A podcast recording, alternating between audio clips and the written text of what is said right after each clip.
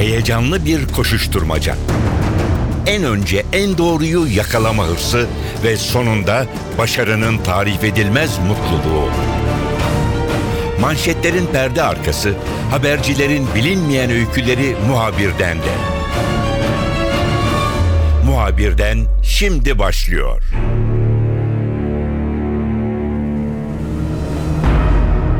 Bu hafta önce terörle mücadeleye yakından bakacağız. Barış sürecine yönelik bazı tartışmalar ve endişeler var. Örgüt çok az sayıda militanını sınır dışına çekti. Verilen söz böyle değildi. Hükümet de bazı beklentileri demokratikleşme paketiyle karşılamaya çalışıyor. Ancak karşılıklı açıklamalar geri çekilme sürecinin çok da arzu edildiği gibi yürümediğini gösteriyor. Ancak umutlar tükenmiş değil. E, bu tartışmalar bölgede nasıl yankı buluyor? Güneydoğu'da insanlar tartışmaları nasıl izliyor? Buna yakından bakacağız. NTV Diyarbakır temsilcisi Nizamettin Kaplan bizimle olacak.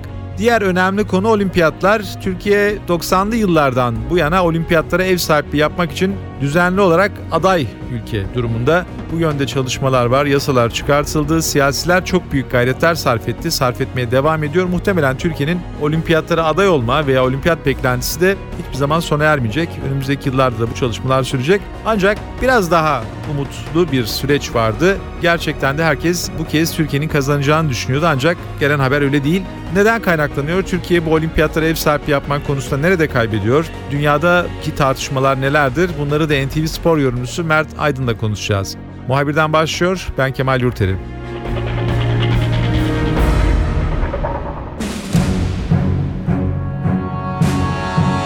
Nizamettin geri çekilme tartışması devam ediyor. Hükümet e, çok az sayıda e, militanın sınır dışına çıktığını açıklamıştı. Örgüt de bazı sözlerin yerine getirilmediğini belirterek e, sanki gidenlerin de geri geleceğini, çekilme sürecinin tehlikeye gireceğini söylüyor. Tabii bölge insanları da bu gelişmeleri yakından takip ediyorlar. Uzun yıllardır ilk defa oraya barış geldi. İnsanlar daha çok sokağa çıkabiliyorlar. Bir anlamda nefes aldılar. Sokağa nasıl yansıyor bu tartışma veya bu sürecin bitme tehlikesi? Aslında şu an için sokağa olumsuz anlamda yansıdığını söyleyemeyiz. Tabii ki örgütün ilk açıklamasından sonra e, kafalarda acaba soru işaretleri e, oluştu. E, yine eskiye dönüş mü olacak şeklinde ama e, bugün itibariyle baktığımızda e, hala eski e, rahatlık devam ediyor. E, tabii ki örgütün silahlı güçlerini ülke dışına çıkarmayı durdurması e, olumsuz bir e, adım olarak değerlendiriyor. Buna paralel olarak tabii ki hükümete de eleştiriler geliyor. Bu kadar süre içerisinde silahların sustuğu dönemde neden e, demokratikleşme paketiyle ilgili biraz daha hızlı davranılmadı şeklinde oluyor genelde eleştiriler. Tabii dün e, Başbakanın yaptığı açıklama sonrasında e, demokratikleşme paketinin önümüzdeki hafta içerisinde açıklanacağını biliyoruz. E, içerisinde ne var tabii o merak ediliyor. E, bu çerçevede sanırım demokratikleşme paketinin açıklanmasıyla birlikte bu normal e, süreç e, devam edecek. Bugün ayrıca yine e, BDP ve DTK eş başkanlarının Diyarbakır'da bir e, toplantısı var. E, gündemde tabii ki çekilmenin durdurulması da var. Muhtemelen bu konulara da bazı açıklıklar getirecekler DTK ve BDP eş başkanları. E, ancak ateşkes devam ediyor. Dolayısıyla e, çekilme dursa da e, ateşkesin sürmesi bir anlamda burada çatışmaların yine şimdilik olmayacağı anlamına geliyor. Gerçi dün akşam Siirt'te bir karakol inşaatına baskın vardı. 400 işçi kaçırılmıştı. Örgüt tarafından yapıldı bu eylem. Sabah saatlerinde bu işçiler serbest bırakıldı. Bu tarz olaylar zaman zaman oluyor ama bu e, sürecin ruhunu e, çok etkileyecek olaylar değil şu aşamada. Nizamettin geri çekilen e, militan sayısı konusunda bir tartışma devam ediyor demokratikleşme paketi de e, açıklanacak. Önümüzdeki hafta muhtemelen açıklanacak. Eğer beklentiler e, karşılanmazsa öne sürülen, e, ortaya konulan maddeler örgüt tarafından, BDP tarafından veya İmralı tarafından tatminkar edici bulunmazsa ne olabilir? Bir de eğer paket gerçekten çünkü örgüt Haziran ve Temmuz ayı içerisinde aslında çekilmeyi tamamlayacaktı. Tam tamamlamadı. Militanların büyük bölümünü niye Türkiye'de bıraktı? Demokratikleşme paketi konusunda bir takım gerekçelerden dolayı bu çekilmenin tam olarak yerine getirilmediği şimdi söyleniyor. Oysa o aylarda böyle bir hava söz konusu değildi paketten olumlu bir şey çıkarsa militanların sınır dışına çıkacağını, tümünün çıkacağını söyleyebilir miyiz? Yani ben tabii ki yerine kadar silahlı e, militanların e, ülke dışına çıkışı durdurulmuş olsa da e, ben bunun e, buradaki atmosfere çok olumsuz yansıyacağını düşünmüyorum. E, belki önümüzdeki hafta içerisinde paketin içeriğini tabii bilmiyoruz. Onun açıklanmasıyla belki süreç tekrar eski rayına girebilir. E, tabii burada siyasi partilerin e, davranış biçimi de tabii ki belirleyici olacak. BDP'nin e, hükümetle diyaloğu devam ediyor onu biliyoruz. Hatta bugün bazı gazetelere yansıyan iddialar da var. O çerçevede bir takım görüşmelerin e, varlığı söz konusu.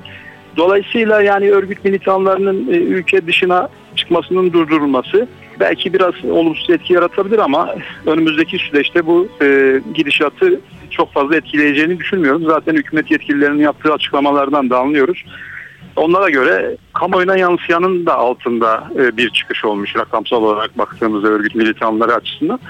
E, dolayısıyla e, devlet de e, net olarak bu işi takip ediyor, biliyor. Örgüt de tabii kendi çapında ne kadar militanını dışarıya çıkardığı Irak bölgesine gönderdiğini biliyor.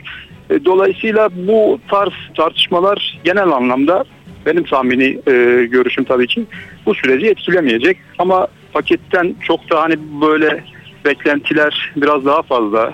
Paketten bir hayal kırıklığı çıkarsa bölge açısından belki biraz daha sertleşebilir e, açıklamalar, demeçler ve süreç belki o çerçevede biraz farklı yönlere kayabilir ama yine belirleyici olan e, tabii ki Abdullah Öcalan'ın e, vereceği karar olacak. Belki hafta sonu BDP'den bir heyetin tekrar İmralı'ya giderek Öcalan'la görüşmesi bu konuda hangi adımların atılacağını sağlıklı olarak kamuoyuna e, yansıtabilir. Bence bu görüşme daha belirleyici olacaktır her ne kadar Kandil bu kararı vermiş olsa da. Nizamettin belki biraz yorum olacak ama sormak durumundayım. E, şimdi e, hükümet e, cephesinden bazı isimlerin bu sürecin devamının aynı zamanda Abdullah Öcalan'ın örgüt üzerindeki etkisini de göstereceğini söylediğini görüyoruz. Yine Kandil'in farklı bir tavır içerisinde olabileceği, işte BDP'nin bazı açıklamalarına Kandil'den farklı tepkinin geldiği, Kandil'deki bazı açıklamalara BDP'nin bir takım farklı yorumlar getirdiğini de görüyoruz. Bu bir üç farklı ayak mı söz konusu yoksa öyle mi gözüküyor? Senin değerlendirmen nedir? Yani benim tahminim burada BDP çok belirleyici değil. Sadece şu arada şu anda aracı görevini üstleniyor. Kandil kısmen belirleyici aslında e, en çok belirleyici e, olması gereken e, pozisyonda onlar görünüyor ama kısmen belirleyici.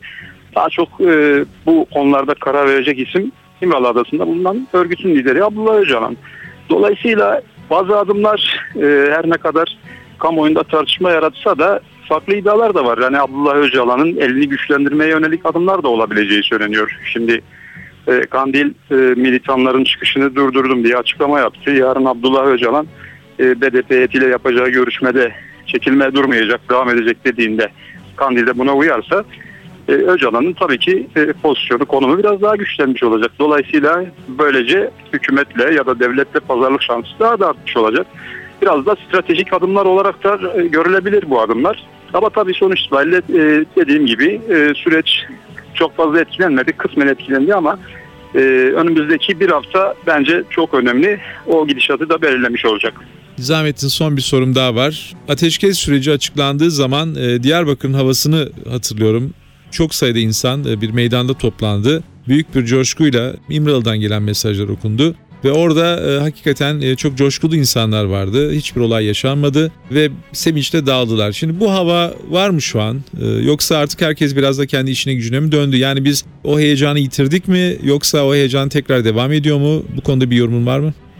Aslında bir normalleşme var. Bu normalleşmeden dolayı da tabii ki biraz da örgüt ve BDP süreci sıcak tutmak istiyor. Çünkü insanlar e, bir süre sonra e, bu süreci kanıtlamış e, oluyorlar. Dolayısıyla e, bunun e, bu şekilde devam etmesi biraz olsun hem örgütün hem de e, BDP'nin el, elini güçlendirmemiş olacak. Dolayısıyla BDP kitlesini sıcak tutmak için zaman zaman işte demokrasi mitingleri falan yapıyor. Ama genel hava aynen e, devam ediyor. O zamanki coşku e, devam ediyor. Biraz insanlar daha e, alıştı sürece. E, dolayısıyla bu sürece alışma hem Kandil hem BDP açısından sıcak tutulması yönünde zaman zaman işte yapılan mitinglerle veya diğer farklı etkinliklerle e, sıcak tutulmaya çalışılıyor. E, böyle bir süreç işliyor burada aslında. Belki BDP de kendi açısından bu anlamda haklı olabilir. Bir mücadele verdiklerini düşünüyorlar ve bu mücadele sonunda da bazı kazanımlar elde etmek istiyorlar. E, biliyorsunuz 30 yıldan beri devam eden bir sorun bu ve bu sorunun çözülmesi konusunda da hükümetle ya da devletle bir pazarlık aşamasına gelmişler. ve bu pazarlık masasından da sıkıntılı ayrılmak istemiyorlar ya da zararlı ayrılmak istemiyorlar. Yani genel izlenim bu yönde benim edindiğim izlenim bu. NTV Diyarbakır temsilcisi Nizamettin Kaplan geri çekilme tartışmalarını ve süren tartışmaların bölgedeki yankılarını bize değerlendirdi. Nizamettin çok teşekkür ederim. Kolay gelsin.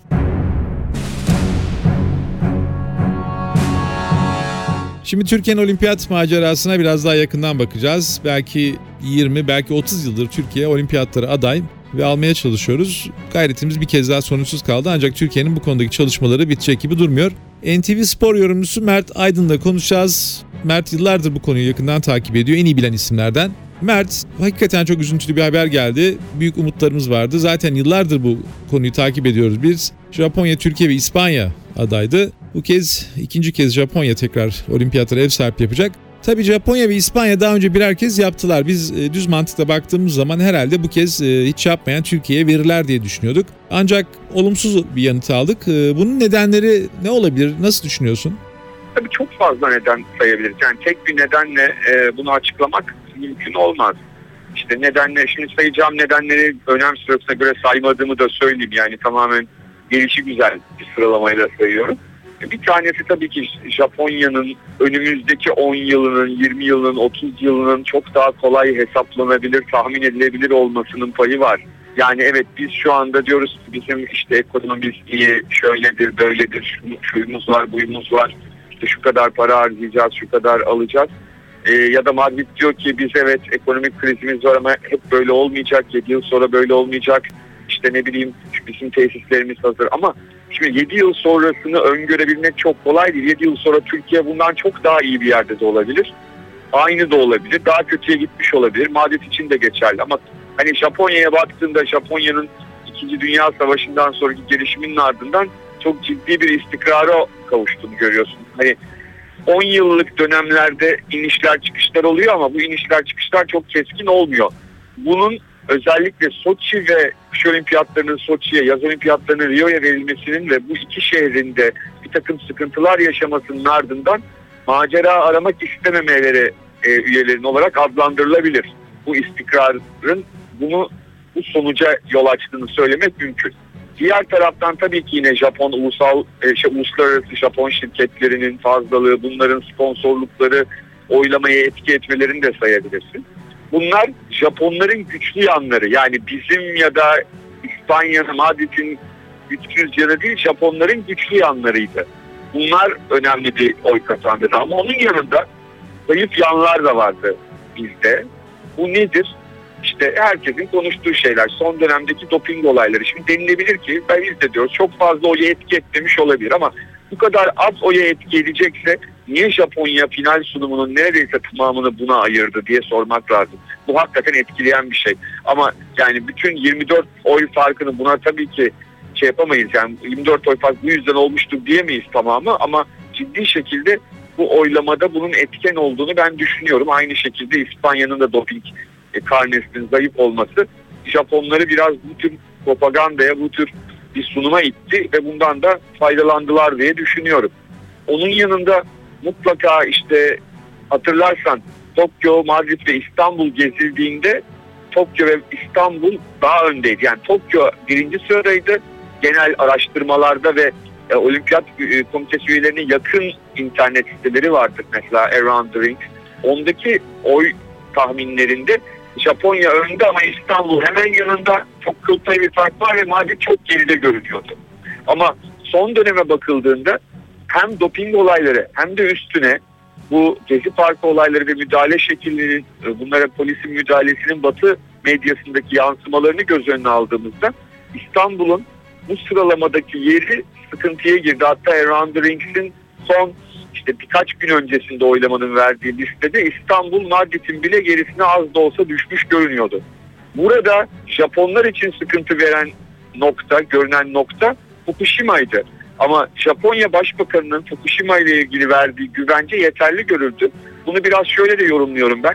Diğer konular bizim zayıf noktalarımız, Madrid'in zayıf noktaları ağırlıklı olarak zaten bu üyelerin uzman olduğu konularda yani bu üyelerin bakıldığında spor adamları, iş adamları ve politikacılar var. Bunlar topikten de anlıyor, siyasal problemlerden de anlıyor, Suriye'den de anlıyor. Ama bunlar e, nükleer fizikçi değil çok fazla anlamıyorlar radyasyon işinden bir başbakanın buna güvence vermesi onlar için yeterli oldu diyebiliriz. Burada da Japonlar en büyük dezavantajlarını e, ortadan kaldırmış oldular bu şekilde ve sonuçta da çok ciddi bir oy farkıyla ki ilk turda bile 6 oy var ilk turda bile çok görülmemiş bir şey kazanıyorlardı. Mert biz 2000 yılından bu yana çok daha yoğun bir şekilde çalışıyoruz ama bizim olimpiyatlara ev sahipliği yapmak için çalışmalarımız çok daha eski. Belki 30 sene belki 40 sene yani ilk bu fikrin ne zaman ortaya atıldığını belki de hatırlayan yok ama benim bildiğim kadarıyla sürekli bir olimpiyatlara ev sahipliği yapmak konusunda gayretimiz var. Yani ilk olarak resmi olarak 1990'ların başında başlamış 2000 için. Evet, evet. Bunun için hatta yasa çıkarıldı biliyorsun evet. mecliste. Ben biraz da tabii bazı şeylere e, hani kötü olaydan e, olumlu sonuç çıkartmak gibi bir bakış açısıyla buna yaklaşmak istiyorum. Hani evet bu defa alamadık ama bizim gayretlerimiz de sona erecek gibi değil. 90'lardan bu yana biz ne kazandık? Yani bir olimpiyatlara hazırlık açısından diyorum. Ne tür tecrübelerimiz e, var sence? Bu bize bir tecrübe şey getirecek kazandık. mi? Yani şöyle tecrübe kazandık. Bu tip işler nasıl yapılır, nerelere gidilir? Mesela nihayet bu oylama öncesinde yani bu oylamaya hazırlanırken, bu seçime hazırlanırken biz bir yabancı lobi şirketiyle ve daha önce olimpiyat kazandırmış bir e, lobi şirketiyle anlaştık mesela. Bütün çalışmaları onun onlarla beraber yaptık. Bu bile bundan öncekilerden bir şey kazanmışız. Onu gösteriyor. Ama işte 1930'larda aday olmaya başlayan ama 2000 olimpiyatlarını alabilen Sydney örneği de var. Onlar tabii her olimpiyata aday olmadılar ama 30'larda ilk denemelerini yaptılar ama 2000 olimpiyatları onlara verildi. Bunları da düşünmek lazım. Yani çünkü zaman zaman sizin siz ne yaparsanız yapın yenemeyeceğiniz bazı e, şehirler ve güçler olabiliyor. Bunu da bunun da altını çizmek lazım ve bazen de işte konjonktür sizin için en uygun hale geliyor ve o zaman da alıyorsunuz zaten. O anlamda pes etmemek gerekiyor. Çalışmak gerekiyor. Çalışmanın bu konuda çalışmanın ve çaba göstermenin zararı yok. Yani olimpik kültürünüzü şey, e, ülkenizdeki geliştirmeye çalışmanın, e, spor, başarılı sporcu sayınızı yükseltmeye çalışmanın hiçbir zararı yok. Bunlar size fayda getirir. Bir daha, daha sonraki seçimlerde e, daha çok oy almanıza katkıda bulunur. Dünya çapında sporcularınızı çoğaltırsanız bir oy bile çok çekişmeli bir, bir seçimde çok önemli e, anlamlar ifade edecektir. Bunu söylememiz lazım. Burada önemli olan nokta şudur. Detaylı inceleme ve analiz yapılıp doğru tercihlerde bulunmak, doğru oyunlara aday olmak lazım. Hani her dört senede bir aday olmaktansa doğru zamanda iddialı olabileceğiniz zamanda aday olmak belki daha iyi olur. Bunun da çok iyi çalışılması üzerinde analiz edilmesi gerekiyor. Mert e, son bir sorum daha olacak. Şimdi neden kaybettiğimiz konusundaki yorumların e, bir bölümünü sen aktardın zaten. İşte dünya basında çıkan yorumlar e, en başında söylediklerin. Yani bunlar biraz da objektif olarak yapılmış yorumlar veya daha doğrusu hani ihtimaller üzerinden de işte yani Türkiye daha sonra ne olabilir? İşte ekonomik olarak 10 yıl sonra ne olabilir? Bunlar farklı kesimlerin seslendiği görüşleri sen aktardın. Ben şunu merak ediyorum. Şimdi tabii biraz da diğer taraftan da bakalım. Yani biz olimpiyatları kazansak neler kazanacaktık? Şimdi biz bu tabii o Atina'daki kent devletleri dönemindeki olimpiyat ruhu yok artık ve herkes çok büyük bir e, ticari faaliyet olarak bakıyor. Kimse bunun getirisine bakıyor işte spor tesislerinizi yeniliyorsunuz, büyük bir canlanma oluyor, gelenler, turizm vesaire filan. E, ama bir yandan da sen de dikkat çektin. E, bir e, doping artık kanser var Türk sporunda. Bu dünya sporu ile ilgili bir şey. Tabii biz kendimize bakıyoruz ama dünya sporunda böyle bir sorun var. Önemli olan bununla nasıl mücadele ettiğiniz, doğru mu yanlış mı mücadele ettiğiniz, bunu bitirmeye mi yoksa daha fazla e, göz yummaya mı çalıştığınız. Önemli olan nokta bu herhalde. Evet evet ben de zaten e, şunu merak ediyorum. Belli bir takım e, sporlar dışında pek varlık gösteremiyoruz. Güreş var. Doğru. E, işte bazen baskette, voleybolda bir takım isimlerle o takımlarımızın peşinden koşturuyoruz. E, onlar da pek bir düz çizgi izlemiyorlar. Bazen çok yukarı, bazen çok aşağılarda bir takım sonuçlar yaşıyorlar. Türk sporu ne kazanırdı? Aslında ben biraz onu merak ediyorum. Yani çünkü ekonomik olarak gelişiyoruz. Bir takım e, siyasi olarak Türkiye hareketlilik içerisinde çok dinamik bir ülkeyiz. Ancak sporda da herhalde bir sıçramaya ihtiyacımız var. E, Birçok spor alanında, farklı alanlarda.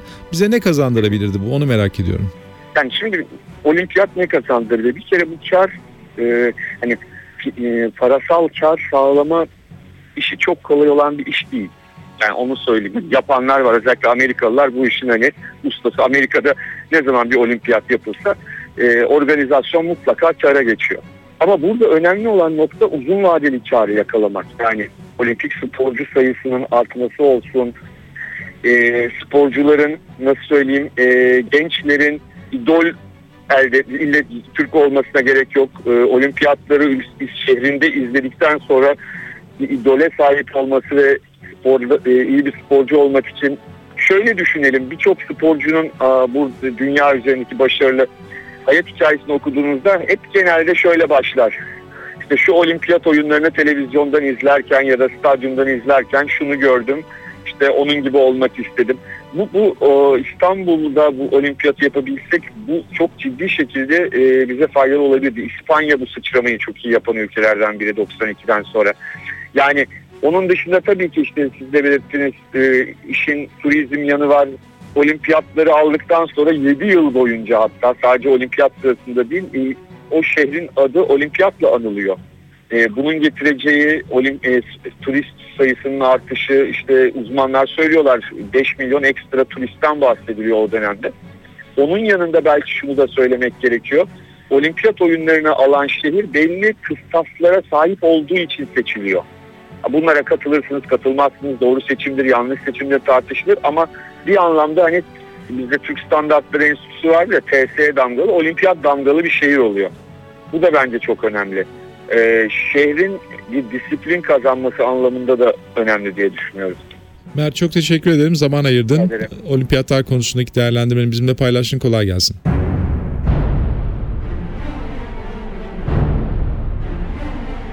Muhabirden de bu hafta demokratik çözüm sürecine yakından baktık. Geri çekilmeye ilişkin bazı tartışmalar var. Az sayıda PKK militanı sınır dışına çekildi ve bir yandan da bazı yasa çalışmalarıyla sürecin yürütülmesine çalışıyor. Bu konuyu NTV Diyarbakır temsilcisi Nizamettin Kaplan bize aktardı. Olimpiyatlar konusunu NTV Spor yorumcusu Mert Aydın'la değerlendirdik. Ben Kemal Yurteri, muhabirden de yeniden görüşmek üzere, hoşçakalın.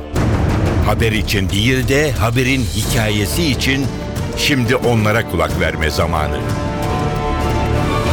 Muhabirden NTV Radyo'da.